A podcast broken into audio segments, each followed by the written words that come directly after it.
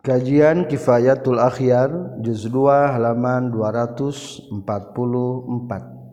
tentang lomba pacuan kuda serang lomba memanah.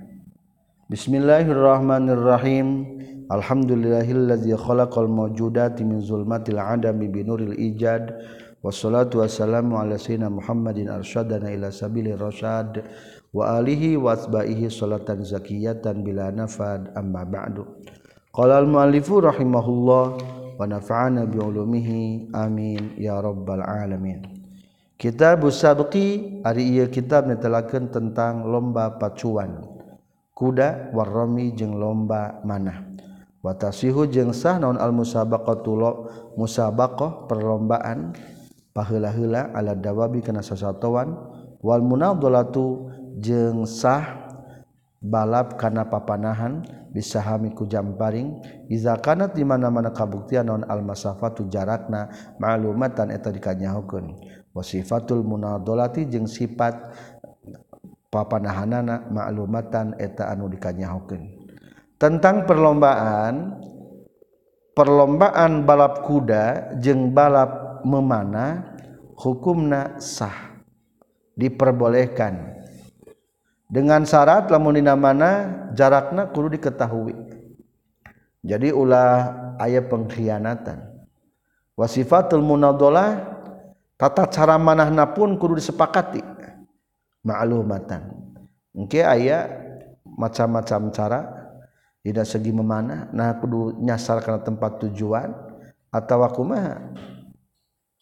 Al musabaqatu ari musabaqah hartosna balap tutlaku eta di ucapkan musabaqoh al musabaqoh tikana balap bil kholi kana kuda. Wasahami jeng wasihami jeng kana jamparing illa annaha kana saestuna itu musabako bil kholi kana kuda takhtasu etal lebih khusus itu musabako bir rohaniku borah. Wabi sahami jeng ku wabi sahami jeng kana jamparing takhtasu nari matang itu musabako bin nidoli ku nidol hartosna papanahan. Ngan lebih spesialis kata nama lamun kana kuda ngaranna rihan balap kuda lamun balap memanah mah ngaran teh nidol. Wal aslu jeung ari dasar fi zalika dina musabaqah alkitab berdasarkan Al-Qur'an wa sunnati jeung hadis.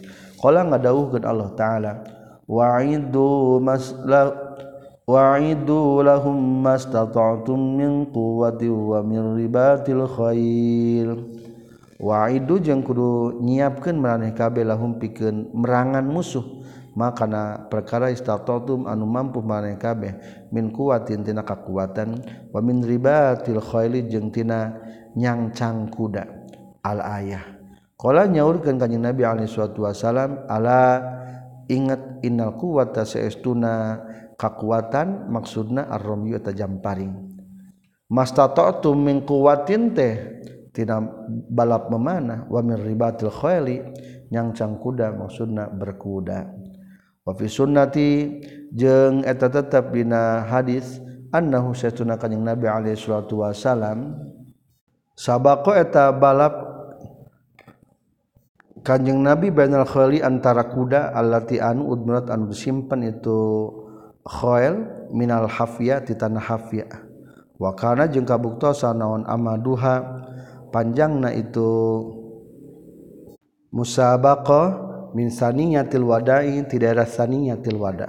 Wasabaqa jeung miheulaan kanjing nabi banal khoel antara kuda allati anu lam tudmar untuk disimpan itu lati minas saniyati saniyah ilal masjidi bani zurek ka masjid bani zurek.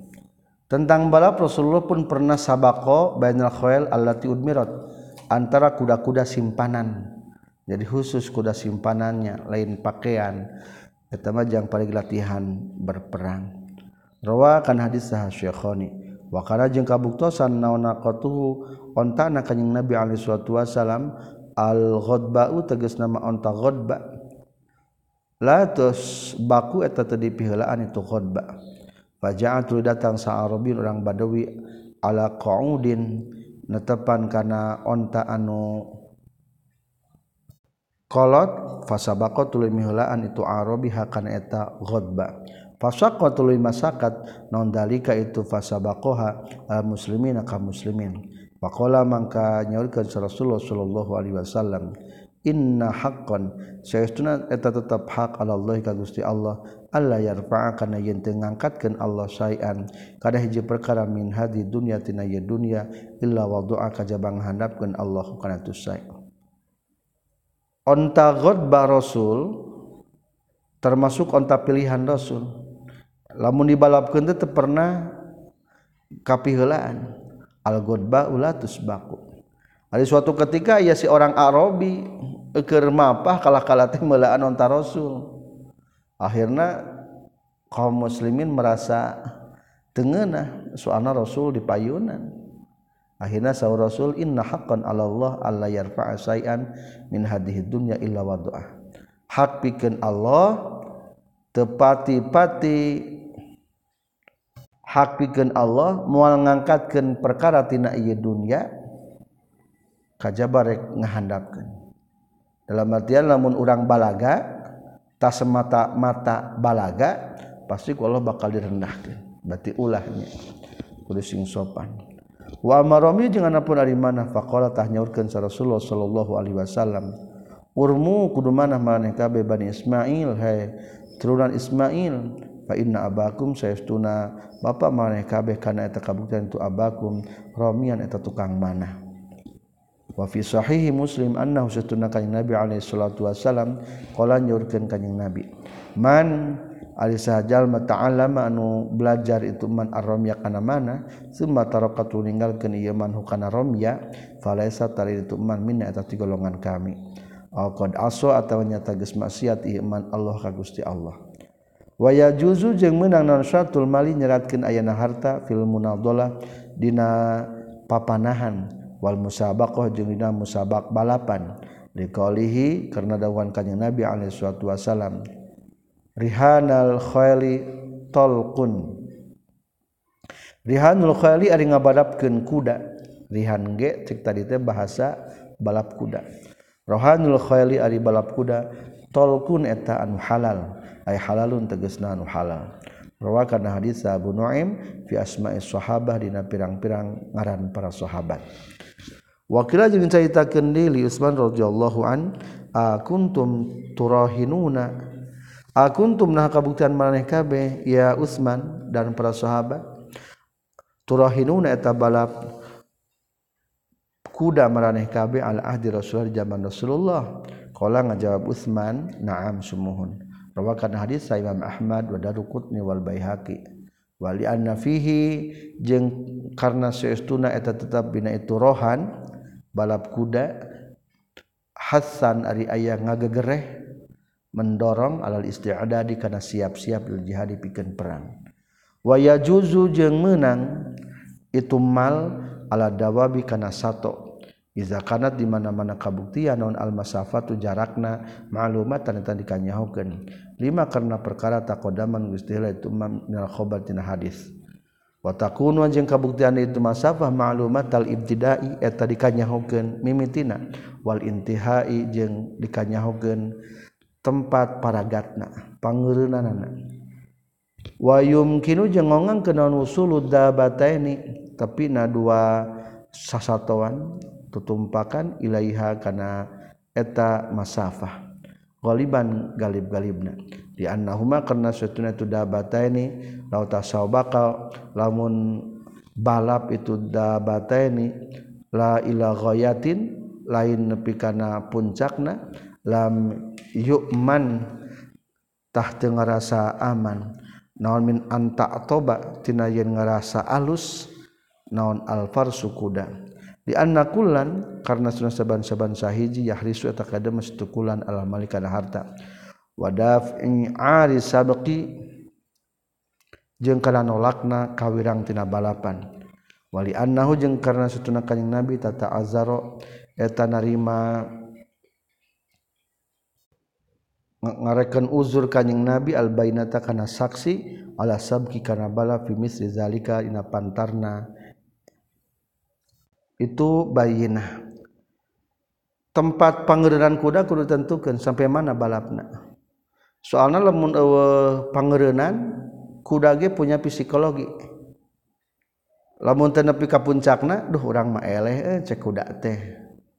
Tapi lamun kuda milu nepi ka tempatna eta kuda serasa kabege meunang wa amal munal dolatu jeung anapun ari papanahan fala buddha tahmis timnal ilmi tinanya biha kana munadhalah edon deui. Amma bi imma bil masafati bohnahaku jarakna wal ilmi jeung nyaho biha kana eta munadhalah imma bisyarti bohnaku syaratna wa bi antakuna tawakkulan kabuktian hunaka nyatu munadhalah naon adatun kabiasaan. Falau zakaro maka lamun nyarita kenjal maghayatan kana antekna. lata blugu anu teu bisa nepi hakana goya naon asaha mujamparing batala tah batal naon al aqdu akadna. Aw bil asabah atawa nyaratkeun kana kudu keuna ka khamsatin sapertikeun 5 min isrina tina 20 walabinan wala bayanna jeung yakinna telakeun kami adoni sifatal isobah kana sifat keunana minal qori tina ngalotre. wahia jeung ari itu isobah al isobatu eta kena al mujarrodah tu anu diwungkulkan awil khorku atau kudu nobros. Wahwa jeung ari itu al khorku teh ayas koba eta yen molongoan itu romyuna panahna al ghordo kana sasaran. Wala yathbutu jeung tumetep jeung tetumetep itu romyuna fihi dina itu gharad. Awil khasab macam-macam cara manah teh aya macam nah. Hiji minal qara intina qara sanes ngalotre tadi teh. Ari qara panah teh dilepaskeun nu penting kena kana sasaran. Atawa kudu khorok ari khorok mah lebih katembus kana sasaran. Katilu atawa khosaf wa huwa jeung ari khosaf teh ayat buta eta yen tumatab itu romyu na fil ghoradi na sasaran. Nyasar truk cicing didinya teragrag awil khorom atau kudu khorom wahwa ari itu khorom teh ayyuk toat ayak toat yen motong jalma al khorodo kana sasaran.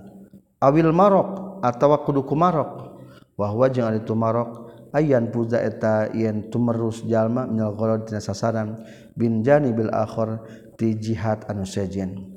Tembus nepi ka tukang nanya. Waiza utliko jeung di mana-mana di mutlak ke naon al aqdu akad papanahan humilata dipanteskeun itu utliko na al qur'i kana si qara. Ketika balap manah disebutkeun macamna berarti maksudnya adalah al qara nu penting mah tepat sasaran dianau karena setuna alqaro al mutaaruf etanu dikenal. Wallahu a'lam. Farun ari iya eta hiji cabang. Tanah dola lomba panah dua jalma ala ayyakuna kana yang kabuktian naon almalu harta li abadahima kanupang jauhna ti itu dua jalma. Naonana romyan manahna. Alam yaksud atau tengah maksud jalma gharadon kana sasaran. Soha tasah ala asoi numutkeun kan kaul soheh. Lamun balap memanah tapi tujuan nu penting mah jauh-jauh menang di anal ibadah karena saya tunang ngajauhkan atau pa jauh-jauh maksudun etan dimaksud edon fi muqabalatil kilai dina ngabandingan kila. Wa roha jeung salianti itu muqabalatil kila wahusulil irabi. Wahusul irabi jeung ngahasilkeun nyingsieunan wamtihanu syiddati said jeung nyoba-nyoba kekuatan anu nulungan. Waqala jeung nyaurkeun sa Imamul Haramain walazi jeung ari anu arabna berpendapat kaulahu kana yalazi ala anna hadza kana saestuna ieu munadhalah annahu kan ala anahanna annahu kan sana kalakuan yang tingkah yustaratu eta disahatkeun non istiwaul qausaini akur dua gondewana fi syiddati da bangetna. Wa yura ing jeung ngariksa jalma khifata sahmi kana hampangna jamparing wa waza wa razanatihi wa jeung keteguhanana eta sahmi. di annahuma karena saytuna itu khifatus sahmi jeung rozanatihi yusironi eta napakan itu. Khifatus sahmi warozanatihi fil qurbi dina deukeut wal bu'di jeung jauh. Naonana tak taksiran kalawan nafakan aziman anu pohara. Wallahu a'lam. Qala nyaurkeun Syekh Abi Suja. Wa yukhriju jeung ngaluarkeun al iwadhu kana gaganti saha ahadul mutasabiqaini salah sayajina dua anu balapan. Hatta iza sabaqa sehingga di mana-mana eh, e, miheulaan itu si ahad istaroda tah nyuprih ngabalikeun tu si ahad hukan itu iwan. Wa in subiqa jeung lamun dipiheulaan akhoda tah nyokot hukan itu iwan saha sahibuhu pemilikna saha sahibuhu batur, baturna itu si ahad. Faroja maka lamun ngaluarkan itu si Ahad jeung ku kana iwad maan baina barang lam yajuz yajuztah temenang illa ayudkhila kajabayin ngasupkeun itu si Ahad jeung si akhir muhalilan kana nu ngahalalkeun bainahuma antarana itu si Ahad jeung si sohib. Insabako lamun mah miheulaan maksudna menang balap na itu si muhalil akhoda tanyokot itu muhalil hukana iwad. Wa in subiqa jeung lamun dipihiraan itu si muhalil tegasna eleh lam yagrom tah teka tempuhan itu muhalil kade masalah perlombaan ayeuna ge loba perlombaan. Lain kuda wungkul jeung mana ayeuna ge. Tah lamun perlombaan urang rek perlombaan dua jalma maka anu ngaluarkeun hadiah mah kudu dosa urang wa yukhriju al iwado keluarkanlah hadiah bahasana ayeuna mah saha ahadul mutasabiqaini salah satu peserta anu balapan. Atuh lamun dua jalma masing-masing ngaluarkeun satu seribuan anu menang sok cokota dua ratus ribu. Eta mah hukumna judi. Jadi kadek dina perlombaan kadang-kadang jadi judi. Lamun seluruh peserta milu bayar. Atuh lamun duaan mah hatta iza sabaqo istaroda. Lamun nu ngaluarkeun duit teh urang ternyata nu menang teh urang ya cokot deui. Cenah urang eleh ya berarti batur urang nyokot. Kumaha lamun kieu ayeuna mah urang jeung si Jaid teh balap masing-masing sejutaan fain akhrajahu ma'an hukumna lam yajuz. Temenang eta mah judi kajaba benang lamun ngayakeun muhallil. Ari muhallil teh nyaeta pihak ketiga supaya ngahalalkeun. Ajakan batur ngan ulah mayar. Soklah maneh eh, miluan ka urang rek bala pemana? Tapi ieu muhallil kualitasna kudu sama. Jeung nu tiluan teh. Ulah beda kualitas. Ari beda kualitas mah pasti menang nu duaan deui. Pengembira wungkul. Jadi muhalil teh kudu bener-bener anu kualitasna alus. Sebanding lah. Iya statusna muhalil in sabako akhoda. Sanajan temilu patungan jang hadiah menang masuk cokot. Wa in subiko lam yagrom. Ngan lamun eleh iya pihak ketiga tekudu mayar. Anger we mayar mati duaan tah orang mah kadang-kadang perserta perserta teh lomba jalan santai kabeh malayar. Itu teh judi termasuk judi. Atau ini mah bisnis pemancingan perlombaan memancing. Unggal peserta masuk 20 ribu. Saha numpang gede na pang menang lauk nupang badakna eta nu juarana. Ta eta judi naon sababna? Dabongan setiap pesertana kudu mayar. Kajaba lamun aya peserta muhalil nu teu kudu mayar eta mah teu naon-naon. Almalu ari harta atau hadiah al-mukhrajun dikaluarkeun di musabaqah tipikeun balap qad yukhriju eta terkadang ngaluarkeun hukana malun saha hadul mutasabiqain salah sahiji dua peserta balap. Wa qad yukhrija jeung terkadang ngaluarkeun deui itu mutasabiqain hukana itu malun ma'an bena bareng. Wakilahuma jeung aya dua nana tina itu kaul masalah dakaro nyaritakeun hukana kilahuma saha syekhu syekh abi suja inamatan. Fain akhraja mangkalamun ngaluarkeun hukana malun sahaduhuma salasa hijina mutasabiqoen ala annaman kana saestuna jalma sabaqo anu mihlaan itu man maksudna menang balap min humatina sa mutasabiqoen ahraza tah menang itu man hukana itu mal jaza tah menang itu akhrajahu ahaduhuma. dianahu karena setuna kanyeng Nabi alaihi salatu wasallam marro eta kalangkung kanyeng Nabi bihizbaini ka dua golongan min ansori ti sahabat ansor. Yatanadaluna anu perlombaan papanahan itu hizbain. Wa qad sabaqa jeung nyata geus menang sahaduhuma salah sayjina itu hizbain al akhara ka golongan hijidaina fa aqarra maka netepkeun kanjing Nabi huma itu hizbain alazalika karena itu ya tanah doluna Wali anal maksud ajeng karena saya tuna maksud ya sudah berhasil itu maksud bizalika ku itu ikhraj. Ma'khuluwihi serta kosongna itu zalik anil kimari tina judi.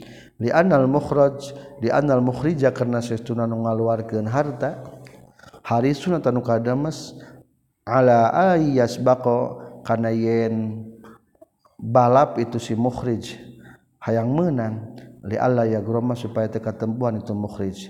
Wal akhir jeung ari nu hiji deui harisun teka demes hatta yakhuda sehingga bisa nyokot itu si akhir hukana itu mal. Wa in akhraja jeung lamun ngaluarkeun hukana malun sal mutasabiqani dua jalma anu balap. Ala annaman karena seuna jalma sabako anu menang balap itu eman min humat itu mutasabi koin akhodatah nyokot itu siman aljami akan sakabehna. Lam yajuztah temenang itu akhrajahul mutasabi qoni dikali kedawan kanjing Nabi alaihi salatu wasallam man ari jalma adkhala anu ngasupkeun itu man farosan kana kuda bainal farosaini antara dua kuda. Waqad amina jeung nyata geus percaya itu si eman ayas biko kana yen menang balap itu man huma kana tu parasain fahuwa tahari itu man adkhala parasan bainal parasain kimarun eta judi. Wa ilam ya'man lamun teu percaya itu si eman ayas biko kana yen menang balap itu man falesa tah lain itu man bikimarin eta judi. lamun ngasupkeun pihak katilu nu berkuda teh ngan yakin orang bakal menang berarti muhalilna kurang sebaya kualitas nak temenang eta. Tapi wa ilam yakman lamun teu ngarasa aman jigana urang ge eleh kuno pihak ketiga teh menang. Fa iza kana maka di mana-mana kabuktian itu idkhal kimaron eta jadi judi indal amani tidak nalika aman min sabki farsil muhallil tina mihelaan kudakna muhallil. Anu ngahalalkeun. Fa inda adamil muhallil maka dina nalika eueuhna muhallil aula eta leuwih komo haramna. Wali anna ma'nal kimari jeung karna satuna makna judi maujudun eta aya fihi dina nalika inda adamil muhallil. Fa inna kullan maka Syekhuna saaban-saban sahiji min humatina itu mutasabiqaini dua nu balap dairo dairun atau numeter bena ayak nama antara yen untung itu sikulan wayak romu jeung antara yang ketempuan itu kulan wahada jeung ari ieu ma huwa eta itu haza alkimaru eta judi. Ari judi mah wahada jeung ari itu ayak nama wayak romu huwa eta itu za al kimaru eta judi. Fa idza dakhala mangka di mana-mana ngasupkeun jalma muhalilan kana muhalil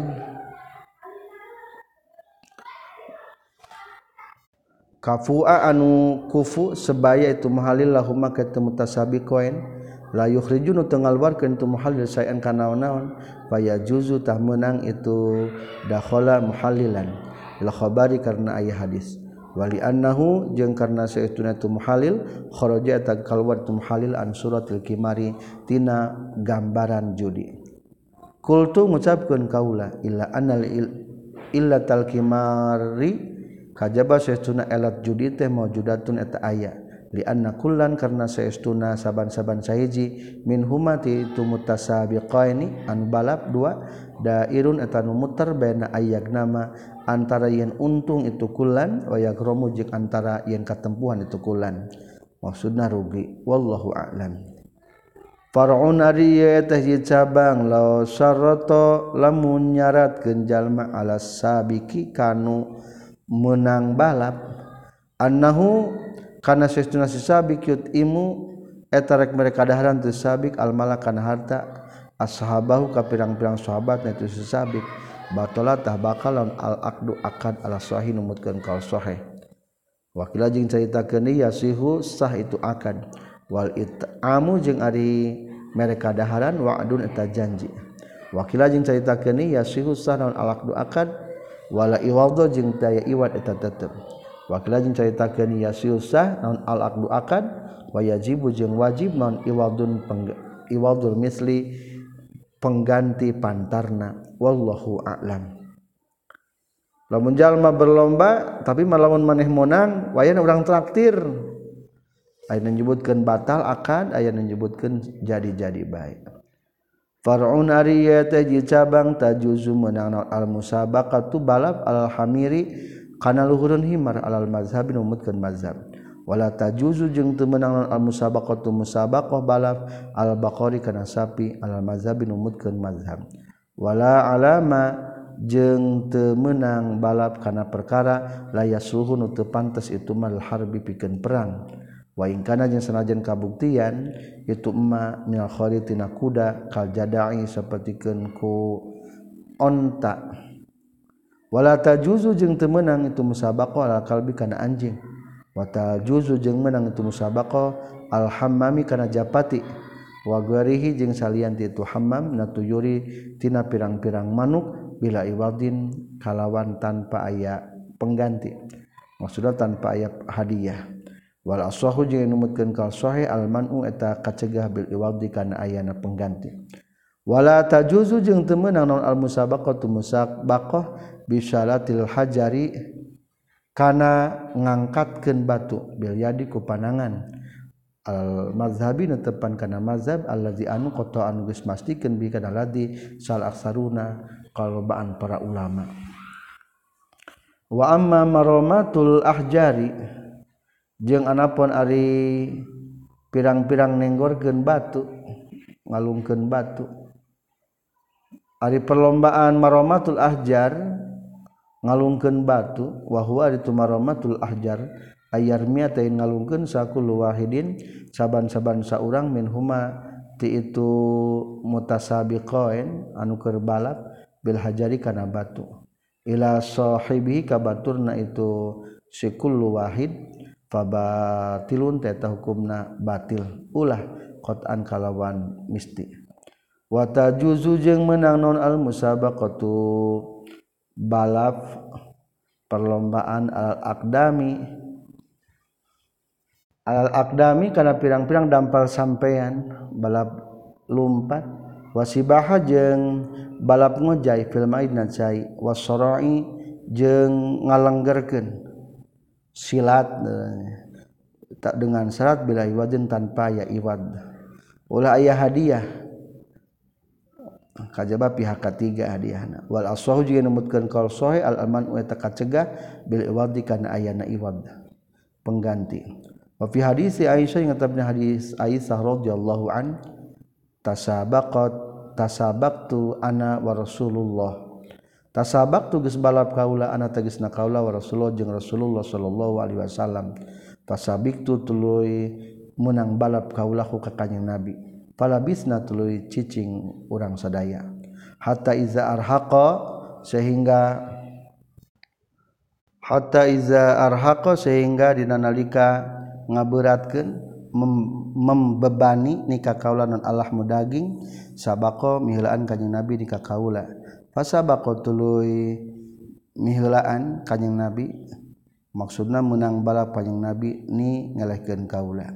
Pakola teras nyaurkeun kanjing Nabi alaihi suatu wasallam hadihi bitilka. Hadihi ari musabaqah bitilka itu ngalawanan itu musabaqah nu ti heula. Rawakan hadis Abu Daud wa Nasai wa Ibnu Majah wa Ibnu Hibban fi sahih nasahih Ibnu Hibban wa lafzu jeung ai lafadz hadis lahu eta riwayat Ibnu Hibban. Faraun ari ieu teh cabang lata juzu temenang non al musabaqah tu balap perlombaan ala munatohatil kibasi karena ngadukeun domba. Munatohate silih gadil wa muharo satu daika jeng karena ngadukeun hayam. Muharosah teh silih siih na hayam. La iwadin te temenang kalawan make pengganti ge. Wala bi jeung te kusalianti itu iwad. Ngadukeun hewan mah temenang wakaza juga tanya ketu deui la yajuju teu non aqdul musabaqah akad perlombaan alala bikana uli-ulinan. Bisatronji ku catur wal khotami jeung ku cincin wal akhirati jeung ku pirang-pirang main bola. Waromil bunuki jeung ku nembak. Nenggorkeun pelor teh berarti nembak. Wa ma'rifatuma jeung nganyahokeun perkara fil yaddi dina panangan min zaujin tina sapasang wa fardin jeung orangan. Wasairi anwa'il labi jeung sasesana pirang-pirang macam-macam permainan. Wallahu a'lam. Temenangnya balap-balap catur segala hadiah nanti salah seorang temenang sekian walhamdulillahirabbil alamin.